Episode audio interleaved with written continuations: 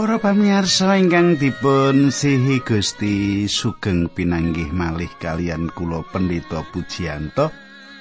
Wonten ing salebetipun adicara margi utami kula badhe sesarengan kalian panjenengan sawetawis wekdal.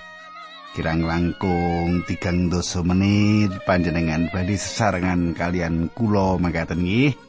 Kados pundi pawartos panjenengan ing wanci menika kadang kula bingah-bingah to? Ora ana sing lara ora ana sing ruwet ya inggih. Pandonga kula panji makaten nanging menawi panjenengan ing wanci menika mboten bingah ing manah. Raos prihatos raos kecalan nggih. Dipun tigeni anggen panjenengan sumindi kalian Gusti Allah awit panglipuran. Ingkang sejatos menika asalipun saking Gusti Allah kemawon mboten saking tiang sanes inggih. Nah kadang kula ingkang kula tresnani sugeng midhangetaken adicara menika.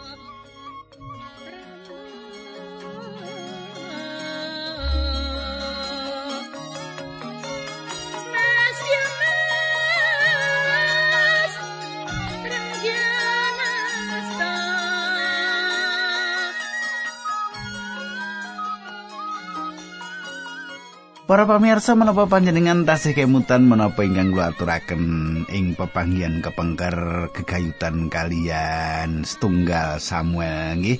Sabenika kita badhe nyemak setunggal Samuel kalih dosa ngantos selikur nggih. Nah, wonten ing pepanggihan kepengker kita sampun nyemak kados pundi Daud tundhonipun lajeng saking Saul lan kepanggih kalian Samuel makaten nggih. Kula ringkes mawon makaten nggih.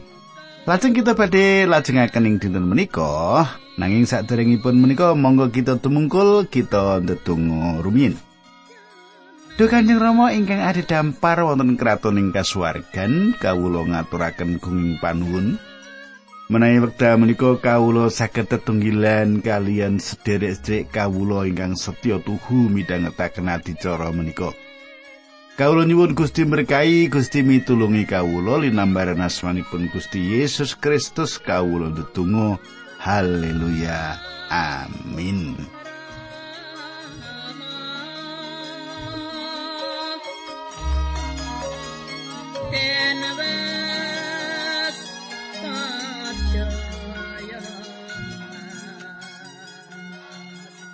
Para pamirsa, pasinaon kita samenika sampun ngancik setunggal Samuel kalih dosa, nggih.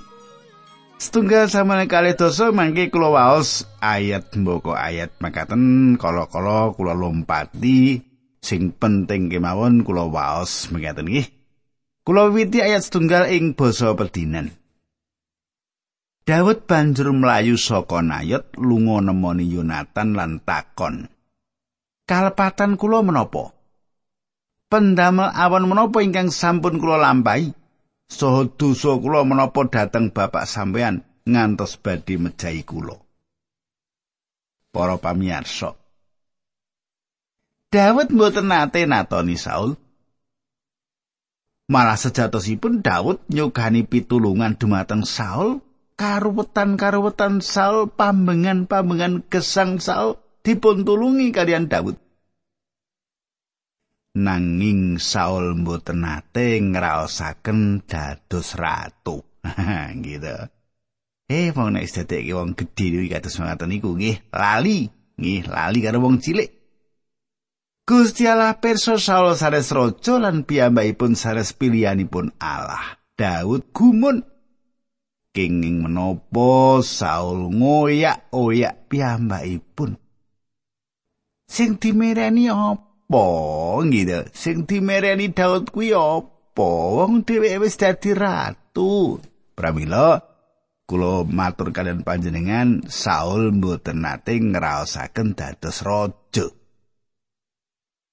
Lajeng ayat kalih kateng kula. Yonatan mangsuli. Sampun trios mekaten atas asmanipun Gusti Allah sampeyan boten badhe dipun pejahi Bapak kula tansah nyriosi kula sedaya rancanganipun inggih ingkang wigatos menapa dene ingkang boten. Dados mokal bapak nyidem bab menika dhateng kula Milanipun menapa ingkang sampeyan criyosaken menika mboten leres. Kadang kula ing mriki Yonatan sanjang dumateng Daud pilih menawi bapakipun gadah niat mejahi piyambakipun badhe mangertos. Sedangunipun menika mboten ngertos. Sebab bapakipun menika blak-blakan kalian piyambakipun. Ngaten nggih. Nek basa kula rak ngaten nggih. Ayat 3 wangsulane Daud.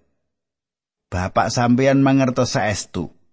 Menawi sampeyan tresno dhateng kula, Dados temtunipun boten badhe ngandikaaken perkawis menika dhateng sampeyan supados sampeyan boten sisa. Kados pundi kemawon atas asmanipun Gusti ingkang sifat gesang. Menapa ingkang kula cariyosaken menika leres nyawa kula wonten ing pucuking rambut. Kadang kula saestu satunggalipun pratela ingkang ngidap-idapi nyawa kula wonten ing pucuking rambut. Menika mboten kemawon dumados ing jamanipun Daud nanging ugi dumados ing jaman samenika. Yesaya sanjang pilih namung sak pompan jantung antawisipun panjenengan kalian pati. Namung sak pompan jantung duk ngira. Pati saged datangi wekdal menapa kemawon. Pati menika saged datangi ing wekdal menapa kemawon. Inggih menika sebabipun kita kedah siap ing saben-saben mlebet ing salebetipun kelanggengan lan mlebet ing ngarsanipun Gusti Allah. Menapa panjenengan kalebet tiyang ingkang sampun nampeni kawilujengan dipun panjenengan sampun pitados dumateng Sang Kristus minangka juru wilujeng kanthi mangkaten menawi panjenengan kedah pecah ing wedha menika panjenengan badhe mlebet ing ngarsanipun Gusti Allah. Kados pundi panjenengan? menapa panjenengan sampun kalebet tiyang ingkang nampeni kawilujengan. Leripun kawilujengan menika panjenengan sampun pitados dumateng Gusti Yesus Kristus minangka juru wilujeng. Kadhi mekaten menawi panjenengan kedah pejahing dinten menika sak sampunipun mirengaken kula menika lajeng pecah. Panjenengan badhe mlebet ing ngarsanipun Gusti Allah. Nah, kula lajengaken ayat sekawan pangucap Yonatan menapa kemawon ingkang sampean kersakaken badhe kula lampahi. Para pamirsa Yonatan menika mitra sejatinipun Daud saestu ngedap-edapi gadah mitra kados mekaten menika. Kalian sedulur saged ugi saged dados cuaning manah panjenengan karo sedulur dhewe bisa dadi cuwa. Nanging mitra ingkang sejatos mboten badhe nate mekaten. Ing wekdal Daud wonten ing salebetipun kangelan, Yonatan kabukti dados mitranipun piyambakipun badhe nindakaken menapa kemawon kangge ngayomi Daud. Ayat gangsal. Wangsulane Daud binjing-injing badhe wonten pesta wulan inggal lan kedahipun kula nedha sesarengan kalian Saul nanging menawi sampean setuju kula mboten badhe kesah kula badhe ndelik ing ora-ora ngantos mbinjing mben dalu. Kadang kula Daud dipun ajeng-ajeng saged wonten ing kraton wekdal nedha siang nanging Daud piyambak ajrih dumugi. Koso wangsulipun piyambakipun nyuwun palilah Yonatan supados mboten ngatingal sak dangunipun tigang dinten. kula lajengaken ayat 6 pitu nggih. Makaten surasipun setunggal Samuel kalih dosa ayat 6 pitu menawi bapak sampeyan dangu menapa sebabipun kula mboten dateng sampeyan aturaken kemawon bilih kula sampun nyuwun pamit dateng sampeyan. Perlu inggal-inggal mantuk dateng Bethlehem. Mergi ing ngrika dipun wontenaken kurban taunan kangge bayat kula sedaya. Menawi Sang Prabu ngendika ya becik kula badhe wilujeng nanging menawi dados duka sampeyan badhe sumur pilih panjenenganipun sampun damel putusan badhe damel cilaka kula. Kadang kula Inggih kados mangkaten menika cara ingkang dipun tindakaken Daud supados piyambakipun mangertos raos ingkang sayektosipun saking Saul. Raos sing manah Saul sing sak beneri menika kados pundi. Nah, menika kula wasaken ayat 9 ngantos 12. wangsulane Yonatan sampun kuatos. Menawi kula mangertos bilih bapak kula kagungan tekad damel cilaka sampeyan. Sampeyan tentu kula kabari. Daud melitakon. Sinten ingkang badhe ngabari kula? Saupami bapak sampeyan anggenipun mangsuli kanthi duka. Monggo sami kisah dateng Ororo, tembungi Yonatan. Banjur padha lunga bebarengan menyang Ororo. Yonatan banjur kondo karo Daud. Mugi-mugi Gusti Allah Inggih Allahipun bangsa Israel dados seksi kita. Binjing-binjing utawi binjing ben kinten-kinten kados wekdal menika, kula angkah badhe nyumerapi menapa ingkang dipun penggalih bapak kula. Menawi panganggepipun dateng sampeyan sae, kula badhe ngabari sampeyan. Ayat 13 ngantos 17. Menawi niatipun nawon, inggih mesti badhe kula kabari supados sampeyan saged oncat. Gusti Allah mejahono kula menawi perkawis menika mboten kula tindakaken. Mugi-mugi Gusti Allah nunggil kalian sampean kados nalika nunggil kalian bapak kula rumiyin. Sarta menawi kula tasih gesang sampean ugemi perjanjian kita ing ngarsanipun Allah menika. So kula aturi pitados dhateng kula, nanging menawi kula sampun mboten wonten. Sampun ngantos pedhot kasetyan sampean dhateng anak turun kula ing salaminipun. Soho menawi Gusti Allah numpes sedaya mangsa kita, sampun ngantos perjanjian kita kekalih menika pedhot. Menawi ngantos pedhot Gusti Allah badhe ngukum sampeyan. Ping pindho Yonatan oleh njaluk supaya Daud tresnani dheweke sebab dheweke banget anggone tresnani Daud. Kadang kula. Yonatan ngrumaosi bilih Daud ipe jaleripun saged ugi badhe ngentosi damparipun Saul. Dados piyambakipun nyuwun supados sing wekdal Daud nyepeng pangwaos kegayutan kalian keluarganipun boten dipun supekaken. Rancanganipun dipun toto supados tiang kali menika saged sesambetan. Ing salebetipun rancangan menika Yonatan kedah manah. Kedah jemparing, nggih, kedah jemparing, mboten badhe dipun jubriani menawi piyambakipun kisah dhateng Jawi kanthi tujuan latihan manah latihan jemparing awit piyambakipun menika prajurit. Daud badhe singitan ing Ororo. Yunatan badhe kisah dhateng Ororo kanthi mbeta jemparingipun lan piyambakipun jemparing. Manah menika lho Menawi Yonatan anginipun jemparing menika nglangkungi papanipun Daud liripun piyawon badhe nempuh Daud lan Daud kedah inggal-inggal lajeng. menawi panah utawi jemparing menika dawahing caketan ing Daud singitan. Daud singitan, umpetan. Ing ngajengipun lan boten nglangkungi piyambakipun badhe mangertos bilih kahananipun aman kangge wangsul. Katang kula ing dinten ingkang kaping 3 Yonatan kisah dhateng Jawi ing ora-ora kanthi panahipun. Saul mboten mangertos bilih lare jaleripun menika nyukani mangertos dumateng Daud. menapa ingkang dados sanjangipun Saul mboten ngremenaken. Saul kanthi cetha meratilaken bilih piyambakipun badhe mejahi Daud. Yonatan nglepasaken jemparingipun lan jemparing menika dawah tebih. Menika teges bilih Daud kedah mlajeng Yonatan mrentahaken dumateng ingkang beto gamanipun supados mendhet jemparing ingkang sampun dipun panahaken lan salajengipun beto jemparing menika wangsul dhateng kita. Ing wekdal tiyang menika sampun kisah Daud lanjuratan kepanggilan rerembagan.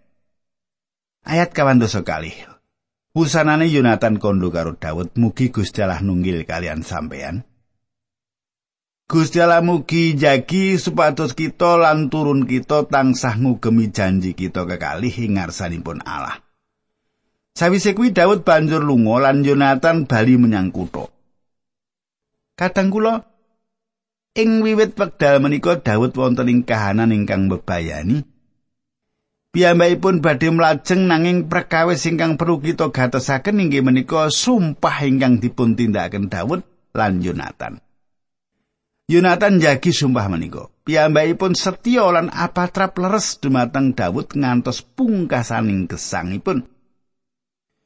Daud ugi setya lan apatrap leres dumateng Yonatan lan tedhak turunipun ing satunggalipun dinten Sae Saul ugi Yonatan dipun pejahi dening tiang Filisti lan Daud minggah dampar ke Prabon perkawis ingkang aman piyambakipun kanginipun Daud kedahipun mejahi sedaya anggota keluarga Saul kangge amanipun Menika ateges menawi Yonatan gadah lari jaler badhe dipun pejahi nanging ing wekdal Daud manggihaken Mephiboset. Larinipun Yonatan piyambakipun beto dhateng kraton nyukani nedha lan ngrimat Mephiboset menika. Kenging menapa piyambakipun nyepengi sumpahipun kalian Yonatan awet mitranipun sampun ngatingalaken Syekh Rahmat dumateng piyambakipun. Kadang kula, monggo kita semak makna ingkang indah saking cariyos menika. Dawud ngetingalaken patrap saenipun dumateng Mephiboset kangge gegayutanipun kalian Yonatan. Pamitranipun kalian Yonatan. Gusti Allah sampun ngetingalaken kesainan dumateng panjenengan kula demi Gusti Yesus Kristus. Kawilujengan kita datengipun awit pribadi Sang Kristus lan menapa ingkang sampun dipun tindakaken kangge kita. awit putranipun sedo kang kita. Gusti Allah ngatingalaken kasainanipun demi Gusti Yesus. Kadang kula saya menika lumebet ing setunggal Samuel selikur nggih. Kita mlebet ing setunggal Samuel selikur. Wiwit ayat setunggal, Daud banjur lunga menyang panggonane Imam Ahimelek ing Nob Kanthi kaget banget Ahimelek metokake Daud lan matur menapa sebabipun panjenengan rawuh ing mriki tanpa abdi. Kadang kula, Daud saestu kasepen ing wekdal kedah mlajeng saking Saul. Meski kemawon para nem-neman ingkang dados pandherekipun sesarengan kalian piyambakipun, dados piyambakipun mboten piyambakan saestu, piyambakipun kasepen awit mboten wonten tiang setunggal. Saking kelompokipun menika ingkang ngangge tondo minangka pandherekipun Saul. Ayat kali tiga sekawan, wangsulane Daud, kula dipun paringi tugas dening Sang Prabu, sarta mboten kenging nyanjangaken dhateng sinten kemawon, milanipun prajurit kula kula purih metuk ing satunggalipun pangginan. Nyuwun pangapunten menapa Bapak gadah tetedan, mugi kula dipun paringi roti gangsal utawi menapa kemawon ingkang wonten ing mriki. Atur Imam mau. kula mboten gadah roti limrah. Wontenipun namung roti sausan, panjenengan kenging mundut angger prajurit panjenengan ing wekdal-wekdal menika mboten kempal kalian tiang istri. Kadang kula gagasan wonten ing kitab suci nggih menika roti menika satunggal satunggalipun roti ingkang kacawisaken wonten ing meja sesausan ingkang boten kenging dipun tedha kajawi imam lan namung ing wekdal ingkang sampun katemtokaken inggih menika wekdal ngentos roti menika ing dinten sabat. Ayat gangsal 6, wangsulane Daud tentu kemawon tiang-tiang menika mboten nindakaken makaten. Menawi kula ngayahi pendamelan prajurit kula tansah njagi supados suci manut pernataning agami, menika menawi tugas limrah langkung-langkung tugas kados semangke menika. Imam mau banjur ngaturake roti sausan marang Daud sebab sing ana iya mung roti kuwi dijupuk saka mespeh arep diganti sing anyar. Kadang kula sinaosa Israel gadah agami ingkang dipun paringaken Gusti Allah lan roti menika dipun pisungsungaken kangge tujuan-tujuan agami. Wonten tiang-tiang ingkang keluwen ingkang betahaken tetedan roti menika badhe dados mboten wonten ginanipun menawi mboten saged dipun mupangetaken nyukani nedha tiang ingkang sawek keluwen. Inggih menika ingkang dipun sanjangaken Daud. Kanthi nyukani roti dumateng Daud lan para pandherekipun imam menika nerak tata aturan paugeran Torat nanging mboten nerak roh saking paugeran Torat. Panjenengan imut bilih tiang Farisi, lumawan para murid-muridipun Gusti Yesus ingkang ngulut gandum lan patrap menika kangenipun tiang Farisi sampun nganggep satunggalipun panerak.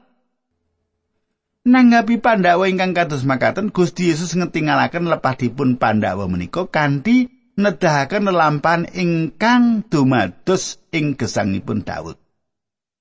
Kadang kula Menapa ingkang dipun ngendikaken Gusti Yesus menika?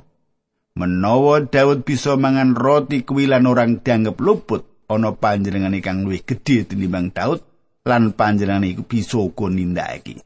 Daud nedha sesausan menika awit piyambakipun butuh. Sang Kristus ngendika bilih kabetahan manungsa ngawikani sedaya upacara lan paugeran upacara. Kula lajengaken ayat pitu. Ing dina iku uga ing kono ana sawijining punggawane Sang Prabu Saul kang dipiji ngladeni Sang Yewah.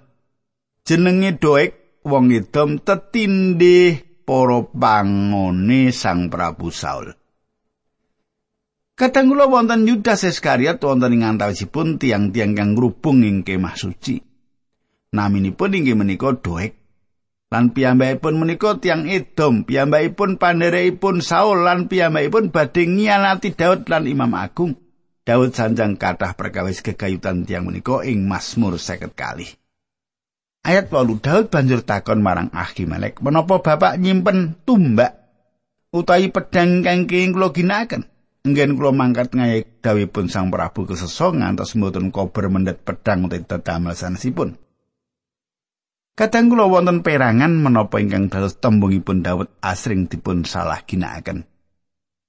Kita perlu mangertos menapa ingkang dados tembungipun Daud. Piyambakipun mboten gadah pedhang utawi tumbak awit anggenipun kisah keseso. Ugi Daud mboten sabek nindakaken tugas saking rajanipun piyambak sawek nyukani alasan ingkang dipun reko-reko. Menapa panjenengan gatosaken kados menapa sabaripun Gusti Allah makaryo?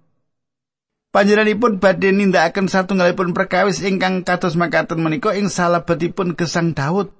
Inggih menika caranipun Gusti Allah. Gusti Allah mboten keseso.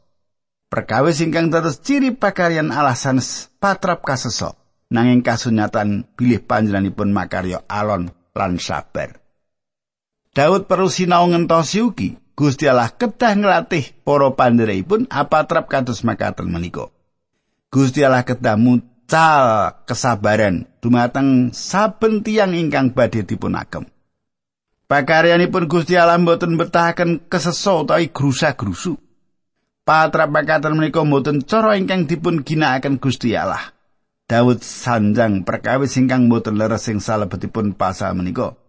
Daud boten sawek nindakaken tugas sang raja lan boten sawek nindakaken dawuh raja ingkang keseso. Boten saged dipun trapaken wonten ing salebetipun pakaryan Kristiani. Ayat songo. Aturi Ahimelek, kula nyimpen pedangipun Goliat yang Filistin ingkang panjenengan pejai ing tanah ngare Ela menika. Pedang menika wonten ing wingkingipun efod dipun bungkus lawon, menawi panjenengan kersa kula aturi mendet. Sebab namung menika ingkang wonten ing ngriki, tembungi Daud.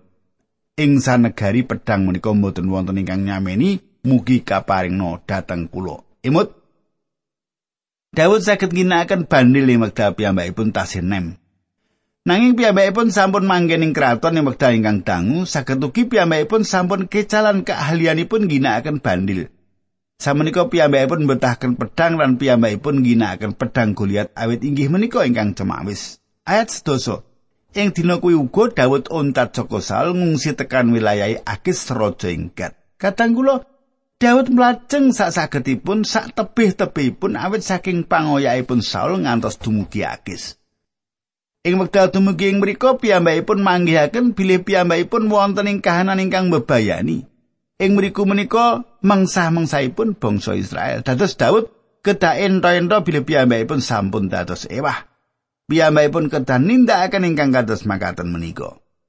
Ayat kang 11 Apa kuwi isih kekurangan wong nganti ana wong edan kok gawa nyang omahku?